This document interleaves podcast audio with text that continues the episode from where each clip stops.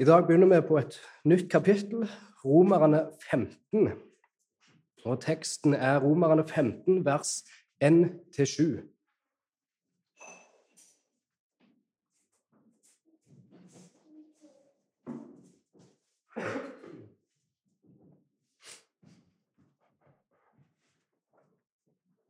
Romerne 15, 1-7.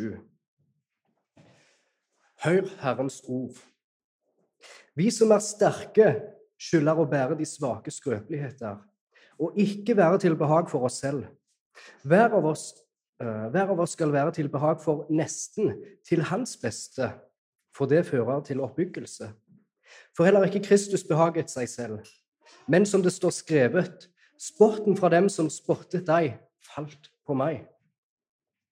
For alt det som før ble skrevet, ble skrevet til vår lærdom, for at vi skal ha håp ved den tålmodighet og trøst som Skriftene gir.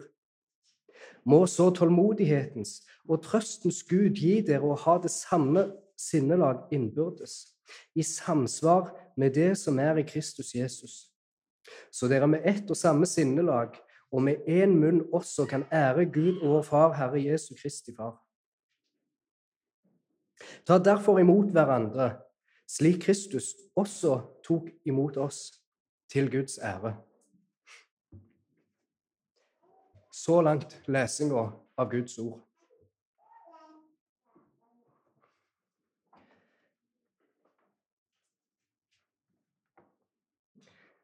Når uh, nedstenginga av samfunnet uh, pga. koronaviruset endelig var over, så var meg og tre andre kompiser Vi var en tur i Stavanger en kveld på konsert. Der vi fikk høre et orkester spille musikk fra 'Ringenes herre'-filmene. Og dette her var jo en herlig opplevelse, må jeg si. For det første så syns jeg det var veldig gildt å bare se en stappfull sal etter nedstengingene. Men så klart, den største opplevelsen av de alle, det var jo den musikalske delen symfoniet som ble spilt. Det var et orkester, et stort orkester med sangere, folk på fioliner, folk på tromme, folk på trompet osv. Ei stor gruppe med folk med ulike instrumenter ulike oppgaver. Tenk bare hvis dette orkesteret, hvis alle Si det var 50 stykker i orkesteret, og alle spilte tromme eller alle spilte fløyte. Det hadde blitt en veldig kjedelig konsert, vil jeg si. Eller se for dere at det var alle 50 i orkesteret var sangere, og alle sang forskjellige sanger. Det ville jo bare blitt et eneste stort kaos og hadde vært en tragedie av en konsert.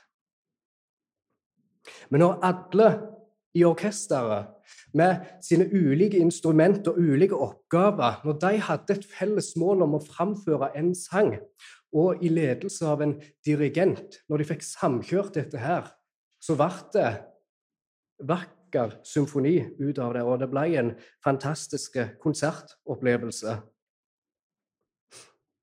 Menigheten den kan på mange måter sammenlignes med et orkester. Det er en stor gruppe med mennesker med forskjellige mennesker med ulike talenter, forskjellige bakgrunner og ulike oppgaver og ulike gaver.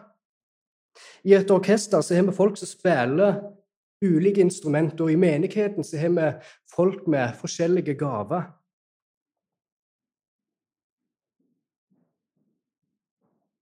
I menigheten så fins det folk der noen av dem er sterke, noen er svake. Noen avstår fra å ete visse typer mat og drikke, mens andre har frihet og samvittighet til å ete alt som blir sett framfor dem. Noen setter visse dager høyere enn andre, mens andre igjen har ingen problem og kjenner ikke samvittigheten om de maler huset sitt på en langfredag.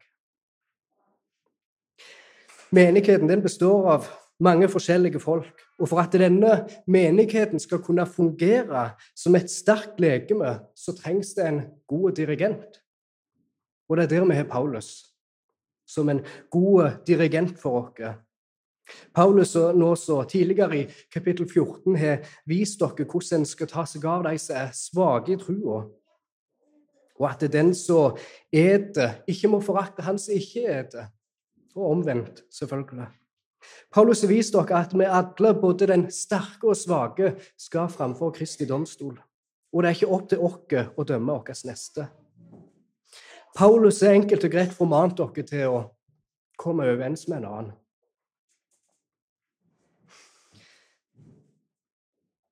Det er et nytt kapittel, men Paulus fortsetter likevel i begynnelsen av dette kapittelet litt i samme tankegang som allerede vært gjennom i kapittel 14, om kristen enhet. Og I dag vil jeg trekke fram to formaninger fra dagens tekst. Der den ene går sånn som dette. Vær til behag for de neste. Og den andre går sånn som dette. Ha det samme sinnelag overfor hverandre.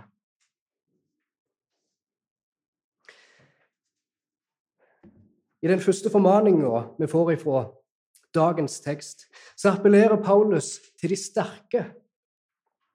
De som har en sterk samvittighet og kan ete og drikke det som enn blir servert framfor dem de som gjerne har en teologisk overbevisning om hva frihet de faktisk har som kristne. Og ikke bare appellerer han til de sterke, men han identifiserer seg med de sterke. Og med god grunn, for han var jo tross alt Herrens apostel. Paulus han trenger å appellere til de sterke. For en sterk kristen han kan veldig godt ha en sterkt begrunna og teologisk forståelse for hva frihet han faktisk har. Men han kan likevel være moralsk svak på et annet område, der han setter seg sjøl først, og ikke setter andre framfor seg sjøl. Han er gjerne mer fokusert på å vise fram sin frihet og hvor sterk tro han har. Og Hvis det er dette da som står i fokus hos den sterke, så glemmer han helt av sin svakere bror. Og Det er derfor Paulus også sier at eh, den sterke skylder å bære de svakes skrøpeligheter. Det er ikke bare en generelt fin ting å gjøre. Å bære de svake sine byrder og skrøpeligheter, men det er faktisk en befaling vi får fra Paulus. Og dette å stå skyldig til noen er jo noe Paulus har snakket om tidligere, også i kapittel 13, som vi leste, der han i vers 8 sier Bli ikke noen noe skyldig uten det å elske hverandre. For den som elsker sin neste, har oppfylt loven. Det er visse ting vi som kristne faktisk skylder hverandre. Nemlig det å vise kjærlighet. Og den sterke i dagens tekst Står skyld, han står skyldig til å bære den svake sine skrøpeligheter. Begge sider av denne saken, både den som er objektivt sterke, og den som ut ifra teksten blir, som Paulus snakker om som en svak Jeg vil gjerne se på seg selv som sterke, begge gruppene. Den som ut eller den som Paulus omtaler som svak, som gjerne vil avstå fra å ete visse typer mat og drikke, eller vil, eh, er veldig fast bestemt på å holde visse dager, vil se på seg sjøl som sterke, for han vil jo gjøre dette for Herren. Og den som er sterke ut ifra konteksten, vil, vil jo også se på seg selv som en sterk pga. at han har en teologisk forståelse for hva frihet han faktisk har, og hva han kan gjøre, og ete og drikke osv. Så, videre. så begge sider vil se på seg selv som sterke. Men igjen her så appellerer Paulus til de som er objektivt sterke, altså ut ifra konteksten, ut ifra det som allerede har lest, hva som beskriver en sterk kristen. Og han sier at de skylder å utøve denne styrken de har, ikke til å være til behag for seg sjøl, men heller være til behag for sin neste. Den måten en sterk kristen faktisk vil vise seg som en sterk kristen, det er når han faktisk klarer å legge vekk sin frihet for ei stund. Til fordel for sin svake bror, og når han kan være med og bære den svake sin skrøpelighet. Du viser at du er en sterk kristen med å vise tålmodighet og ydmykhet. Paulus han er med andre ord definert en sterk kristen som en som bærer den svake sine skrøpeligheter, og som setter andre før seg sjøl. Paulus han identifiserer seg med de sterke. Og hvis vi da ønsker å vokse i tro, så gjør vi rett i å imitere Paulus, akkurat som han imiterer Kristus. Og For å forstå hvordan en sånn styrke ser ut, så uh, vil jeg også bare gå kjapt til 1. Korinterbrev, kapittel 10. Vi kan lese noen få vers der. I 1. Korinterne 10, vers 31. så står det enten dere da spiser eller drikker, eller hva dere enn gjør, så gjør alt til Guds ære. Vær ikke til anstøt, verken for jødene eller for grekerne, eller for Guds menighet, slik jeg også er til behag for alle mennesker i alle ting. Jeg søker ikke mitt eget beste, men det beste for de mange, for at de kan bli frelst. Paulus som en sterk kristen han hadde sitt mål i å vinne andre mennesker. Han, var, han, ville ikke være til anstøt for andre mennesker og var villig til å gi avkall på sin frihet. og Han viste seg som en sterk kristen. Og vi er kalt til å imitere han akkurat som han imiterer Kristus. Tilbake igjen i teksten i Romerne. I vers 1 så kunne vi lese eh, at det, det ble sett fram i det negative Altså ikke vær til behag for deg sjøl. Men leser vi i vers 2, så blir det stilt mer fram i det positive, der det står 'vær heller til behag for de neste'. Først blir vi formant i vers 1 til å bære den svake sine skrøpeligheter. Og i vers 2 så blir vi formant til å være til behag og gjøre det som fører til oppbyggelse for de neste. For, li for, i livet som en menighet så finnes det faktisk viktigere ting enn for oss å krangle om små detaljer om ulike teologiske spørsmål. Men at vi heller skal søke etter eh, fellesskapet sin styrke og enhet. Og dette med å være til behag for sin neste, det handler ikke bare om at eh, den neste skal hele tida være glad, eller at han alltid skal få det som han sjøl vil. At vi bare skal smigre de hele veien og få de til å føle seg store. Noen ganger så er det faktisk det å være til behag for noen. Noen ganger så krever det faktisk at vi irettesetter dem. Hvis konteksten tilsier det. Noen ganger er det faktisk rett å si eller gjøre det som faktisk kan føles litt vondt for de neste. Så det står i ordspråkene åpenlys irettesettelse er bedre enn kjærlighet som holdes skjult. Noen ganger, for å faktisk sørge for oppbyggelse for de neste, så kan åpen irettesettelse være det som skal til for å faktisk bygge opp de neste. Selv om det kan kjennes tungt der og da. Men for å få bort med et problem, så vil visse kontekster krever at vi faktisk irettesetter vår neste. Noen ganger kan det være på sin plass, spesielt hvis du gjør dette ut ifra en motivasjon om at du ønsker å hjelpe de neste. Oppbyggelse det handler ikke alltid om at de neste skal bli smigra, eller at han alltid skal få det som han vil. Oppbyggelse det handler om at vi ønsker å se vår neste bli styrka i trua. Så som jeg sa, noen ganger kan visse tilfeller faktisk kreve en åpenlys irettesettelse. Og det vil være godt for de neste. Det vil være til det beste. Men ha dette alltid som mål. Søk til det som er til oppbyggelse for de neste. Og hvorfor? Hvorfor skal vi gjøre det? For Kristus behager ikke, behager ikke seg sjøl. Kristus behager ikke seg sjøl så det står i vers 3. For heller ikke Kristus behaget seg selv, men som det står skrevet, sporten fra dem som sportet deg, falt på meg. Vi er jo kristne, vi er kalt til å leve i etterfølgelse av Jesus, vår Herre og Frelser. Kristus han behager ikke seg sjøl. Og det blir feil av oss, vi som er hans tjenere, å tro at vi skal kunne unnslippe eh, ifra å gjøre det samme som Jesus sjøl gjorde. Jesus ga avkall på seg sjøl og på visse rettigheter, så kan ikke vi tro at vi kan unnslippe det hvis vi ønsker å følge etter han. Jesus han var villig til å uttømme seg sjøl, som det står i Filipperne 2. Han som var i Guds skikkelse, tok på seg en, menneske, eh, en tjenerskikkelse og kom i menneskets likhet. Han kom for å tjene mennesket til deres frelse.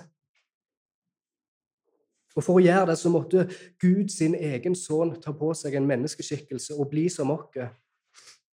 Han ga avkall på sine rettigheter for ei tid, for å tjene oss. Jesus han ga seg sjøl fullt og helt til tjeneste for sin far. Så vi kan lese i Johannes at hans mat var å gjøre sin himmelske fars vilje. Og dette var Faderens vilje, at av alt det Faderen ga til Jesus, skal ikke Jesus miste noen, men reise deg opp på den siste dag, og at hver den som ser såren og tror på Han, skal ha evig liv, og Jesus skal reise han opp på den siste dagen. Gud sjøl kom i en tjenerskikkelse. Han var villig til å gå gjennom sport, vanskeligheter, forfølgelse, hat osv. Og, og han gjorde det for å frelse de som tror på han. I vers 3 så siterer Paulus ifra Salme 69, der det står 'Sporten fra dem som sportet deg, falt på meg'. Dette er ei salme som beskriver lidelse mer spesifikt Messias sin lidelse. Og Det er flere vers i denne salmen som blir sitert i Det nye testamentet. Det som er sitert i dagens tekst, kommer fra vers 10 i Salme 69. Og begynnelsen av det, vers, uh, begynnelsen av det verset i Salme 69, der står det 'Nidkjærhet for ditt hus har fortært meg'. Og Dette blir gjentatt i Johannes 2, når Jesus renser tempelet, og han sier at tempelet skulle være et bønnens hus. I vers 5 i Salme 69 så leser vi flere, er, nei, flere enn hårene på mitt hode er de som hater meg uten grunn. Og Dette her blir gjentatt i Johannes 15, vers 25. I vers 22 i Salme 69 så leser vi Og de ga meg galle til føde, og for min tørst ga de meg eddik å drikke. Og dette blir gjentatt i Johannes 19, når Jesus henger på, på korset. Vi kan også lese i Salme 69, vers 23 og 24. at Det blir gjentatt i Romerbrevet, som vi allerede har vært gjennom. Og Salme 69, vers 26 det blir gjentatt i apostelgjerningene kapittel 1. Så denne salmen, altså salme 69, de salmer som blir sitert gang på gang i Det nye testamentet. Og Det er både interessant og viktig å tenke over hvorfor akkurat dette verset blir sitert i dagens tekst. For Jesus han var kjent for sin fulle hengivenhet til å gjøre sin himmelske fars vilje. Nidkjærhet for Guds hus fortærte Jesus. Det å gjøre Guds, Faderens vilje, det var Jesus sin innerste lengsel. Og Han var så hengiven til den tjenesten at han ble virkelig fortært over det. Det var som om det åt han opp innvendig. Og Resultatet av denne hengivenheten til Jesus førte til at når mennesket spotta Gud, så kom det på Jesus. Når mennesket spotta Gud, så kjente Jesus det. Og Dette er et eksempelet Paulus her ønsker å vise for sine lesere. Jesus han var villig til å tåle spott fra verden og ikke være til behag for seg sjøl, men heller faktisk tåle spott. For at hans folk skulle bli frelst og også oppbygde. Når det gjelder denne teksten, så er det en del folk som har stilt spørsmål hvorfor siterer Paulus egentlig fra Salme 69. Hvorfor tar han ikke bare å sitere noen direkte eksempel fra Jesus sitt liv? Og jeg vil si det at eh, Paulus siterer fra Salme 69 for å vise oss, vise sine lesere, at Jesus er den sanne og den fullstendige og den fullkomne substansen av loven og profetene. Derfor siterer han til Salme 69. Derfor siterer han til Det gamle testamentet, som vitner om Jesus. Jesus er den sanne meninga og den sanne substansen av loven og profetene. Og Dette er viktig for oss å huske at Jesus er den sanne meninga og substansen av loven og profetene. Spesielt når vi kommer til vers 4. For alt det som før ble skrevet, ble skrevet til vår lærdom for at vi skal ha håp ved den tålmodighet og trøst som Skriftene gir. Paulus sier her at Skriftene gir oss tålmodighet og trøst. Skriftene som det står om her, det refererer til Det gamle testamentet, men vi kan også si med implikasjon til Nye testamentet, altså hele Guds ord. Hele Guds ord gir oss trøst, og det gir oss tålmodighet. Men her så blir det primært sett referert til Det gamle testamentet. Og er det noe Guds folk faktisk trenger å bli påminnet i dag, så er det nettopp dette at Det gamle testamentet, Skriftene, er gitt av Gud til oss for at vi kan få tålmodighet og trøst. For jeg tror vi alle har vært i samtaler med folk der vi f.eks. har snakket om visse tilfeller og eksempel i Det gamle testamentet hvordan Gud på en veldig spesifikk måte dømte folk, enten om man åpna jorda og slukte hele familier, eller om man sendte landeplager over en hel nasjon. Og mange folk da, når de hører dette her, gjerne bare vil respondere med den som vi alle har hørt. Ja, ja, men det var jo Det gamle testamentet.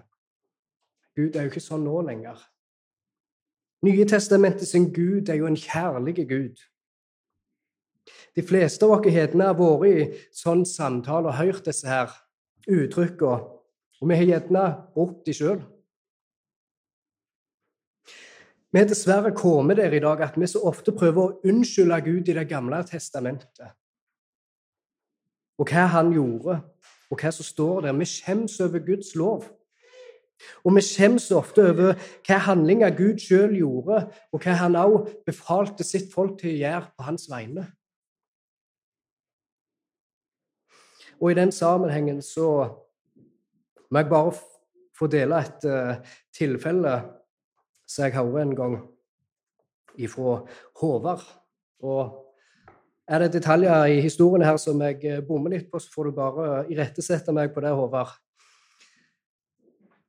Han fortalte meg en gang at han hadde kommet i samtale med en uh, kristen, og de snakket om litt ulike teologiske tema, og kom litt uh, innpå jeg tror det var om Guds hellighet, og en snakket litt om hvordan Gud dømmer, og det ble nevnt spesifikke tilfeller fra Det gamle testamentet hvordan Gud dømmer mennesket.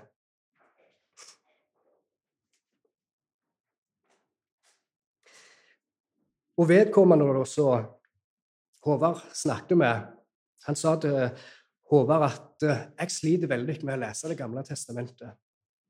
Jeg sliter veldig med det, for når jeg ser disse her domshandlingene osv., så, videre, så øyelegger det det bildet jeg har av Gud.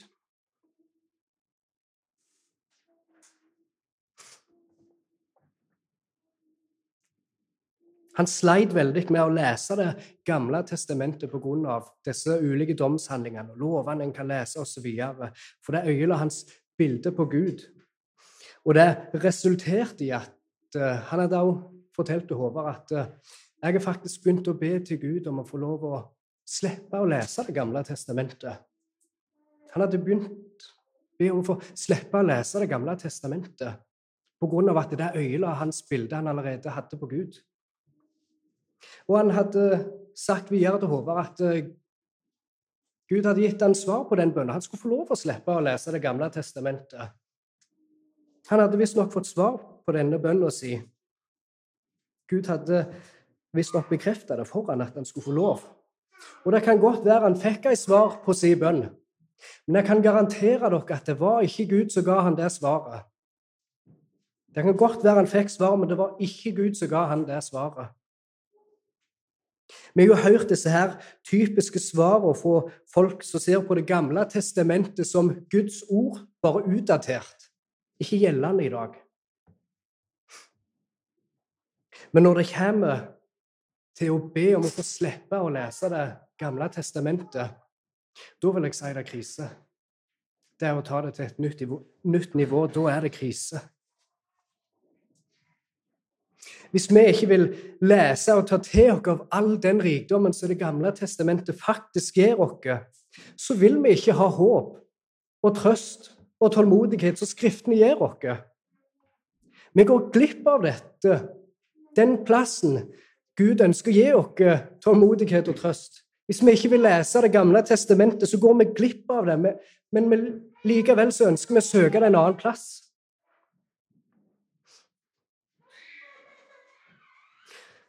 R.C. Sproul, en eh, tidligere presbyteriansk teolog og pastor som nå er hjemme hos Herren, en som sikkert flere av dere kjenner til. Der var en mann som ofte var i debatter og diskusjoner, spesielt om Bibelens autoritet og ufeilbarlighet. Han var i mange kamper for å forsvare Bibelen. Og Han ble spurt av folk hvorfor kjemper du så hardt for Bibelen sin integritet i ei sånn tid som vi nå lever i, med så mye skepsis til Bibelen. Hvorfor gidder du kjempe? Og han svarte tilbake med å stille deg et spørsmål. Vil du ta vekk ifra meg min trøst, som jeg finner her i Guds inspirerte ord? Han forsto det. Han forsto at det i Guds ord vi finner vår trøst, og vi finner tålmodighet. Det er der vi kan ta det til oss. Det er der Gud ønsker å gi det oss. Gud han har skapt dere mennesker på en sånn måte at vi kan ta lærdom av, vi kan finne trøst og tålmodighet og bli inspirert av ulike eksempel fra visse historier. Den viktigste historien av de alle er jo så klart Jesus sin seier over synd og død.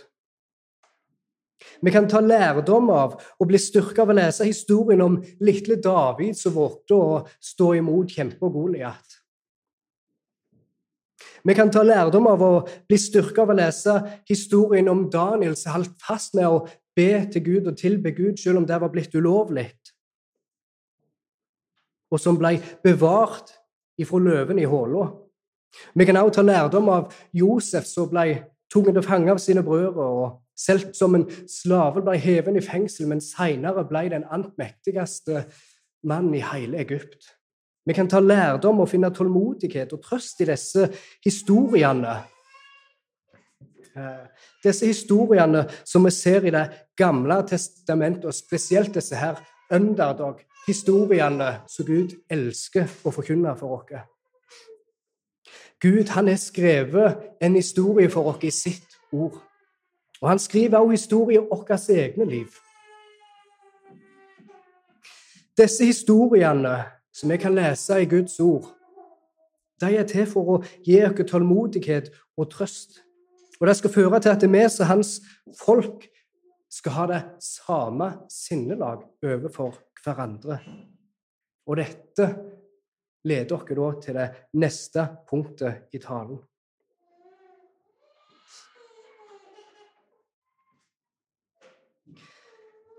Vi kan lese i vers 5 og 6. Må så tålmodighetens og trøstens Gud gi dere å ha det samme sinnelag innbyrdes, i samsvar med det som er i Kristus Jesus, så dere med ett og samme sinnelag og med én munn også kan ære, ære Gud og og vår Herre Jesu Kristi Far. Den Gud som har skrevet disse historiene, som skal gi oss tålmodighet og trøst, er den Gud som kalles for tålmodighetens og trøstens Gud. Paulus han har denne bønnen for sine lesere. Hans bønn er at eh, Gud må gi oss det samme sinnelag overfor hverandre, innbyrdes i fellesskapet. Det at Gud er en Gud av tålmodighet, beskriver enkelt og greit den store tålmodigheten Gud viser for menneskeheten. Gud er i stand til å vise tålmodighet imot mennesker på tross av vondskapen som er i verden, som mennesket gjør, opprøret mennesket har imot han. Og Det er ofte vanskelig å fatte hvordan Gud klarer å være så tålmodig som han er. Og vi ofte sjøl sliter veldig med å vise tålmodighet overfor hverandre. Men takk Gud for at eh, han ikke er som oss. Takk Gud for at han er tålmodig. Han tåler Han, han heller ut med oss.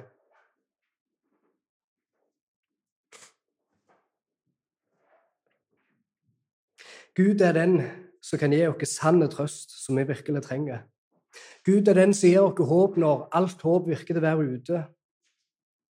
Og Gud han gjør dette her ved sin hellige ånd. Og han gjør det gjennom sitt ord, som vi leser her i dagens tekst. Han bruker sitt ord for å gi sitt folk trøst og tålmodighet, og bruker det som et middel for at vi skal være likesinna overfor hverandre.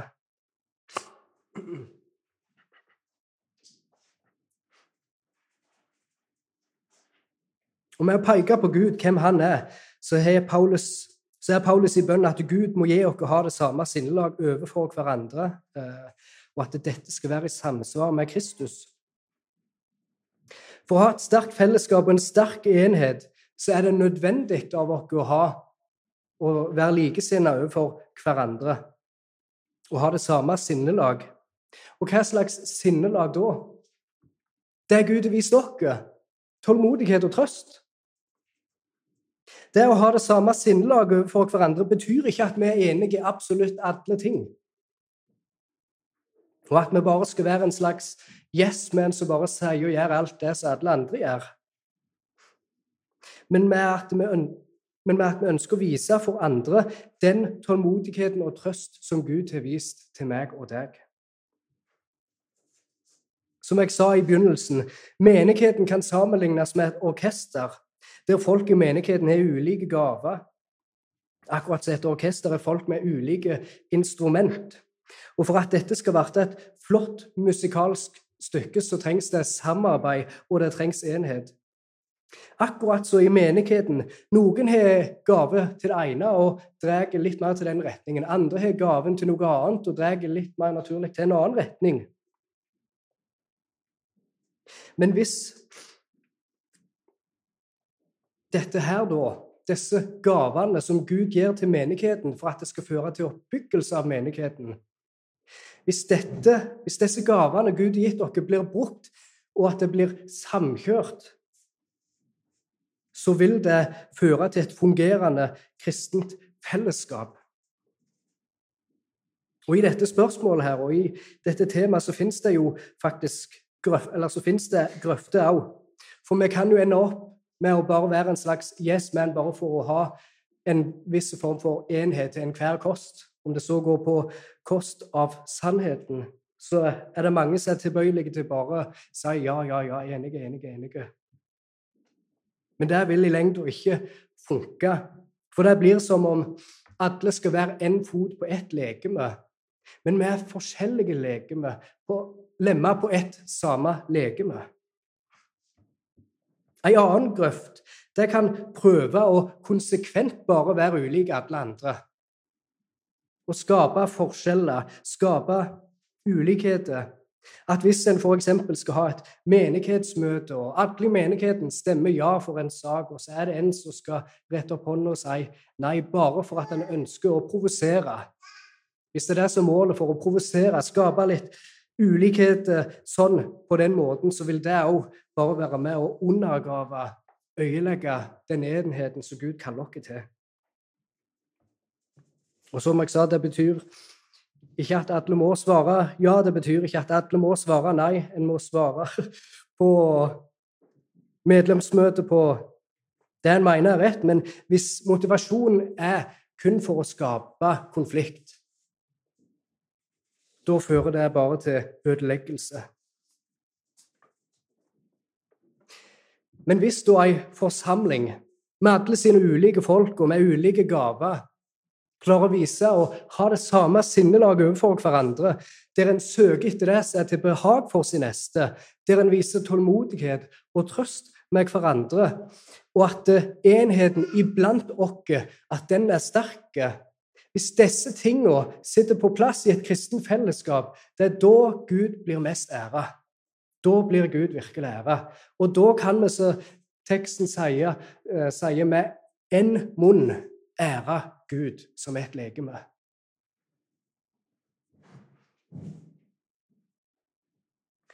La oss lese vers 7.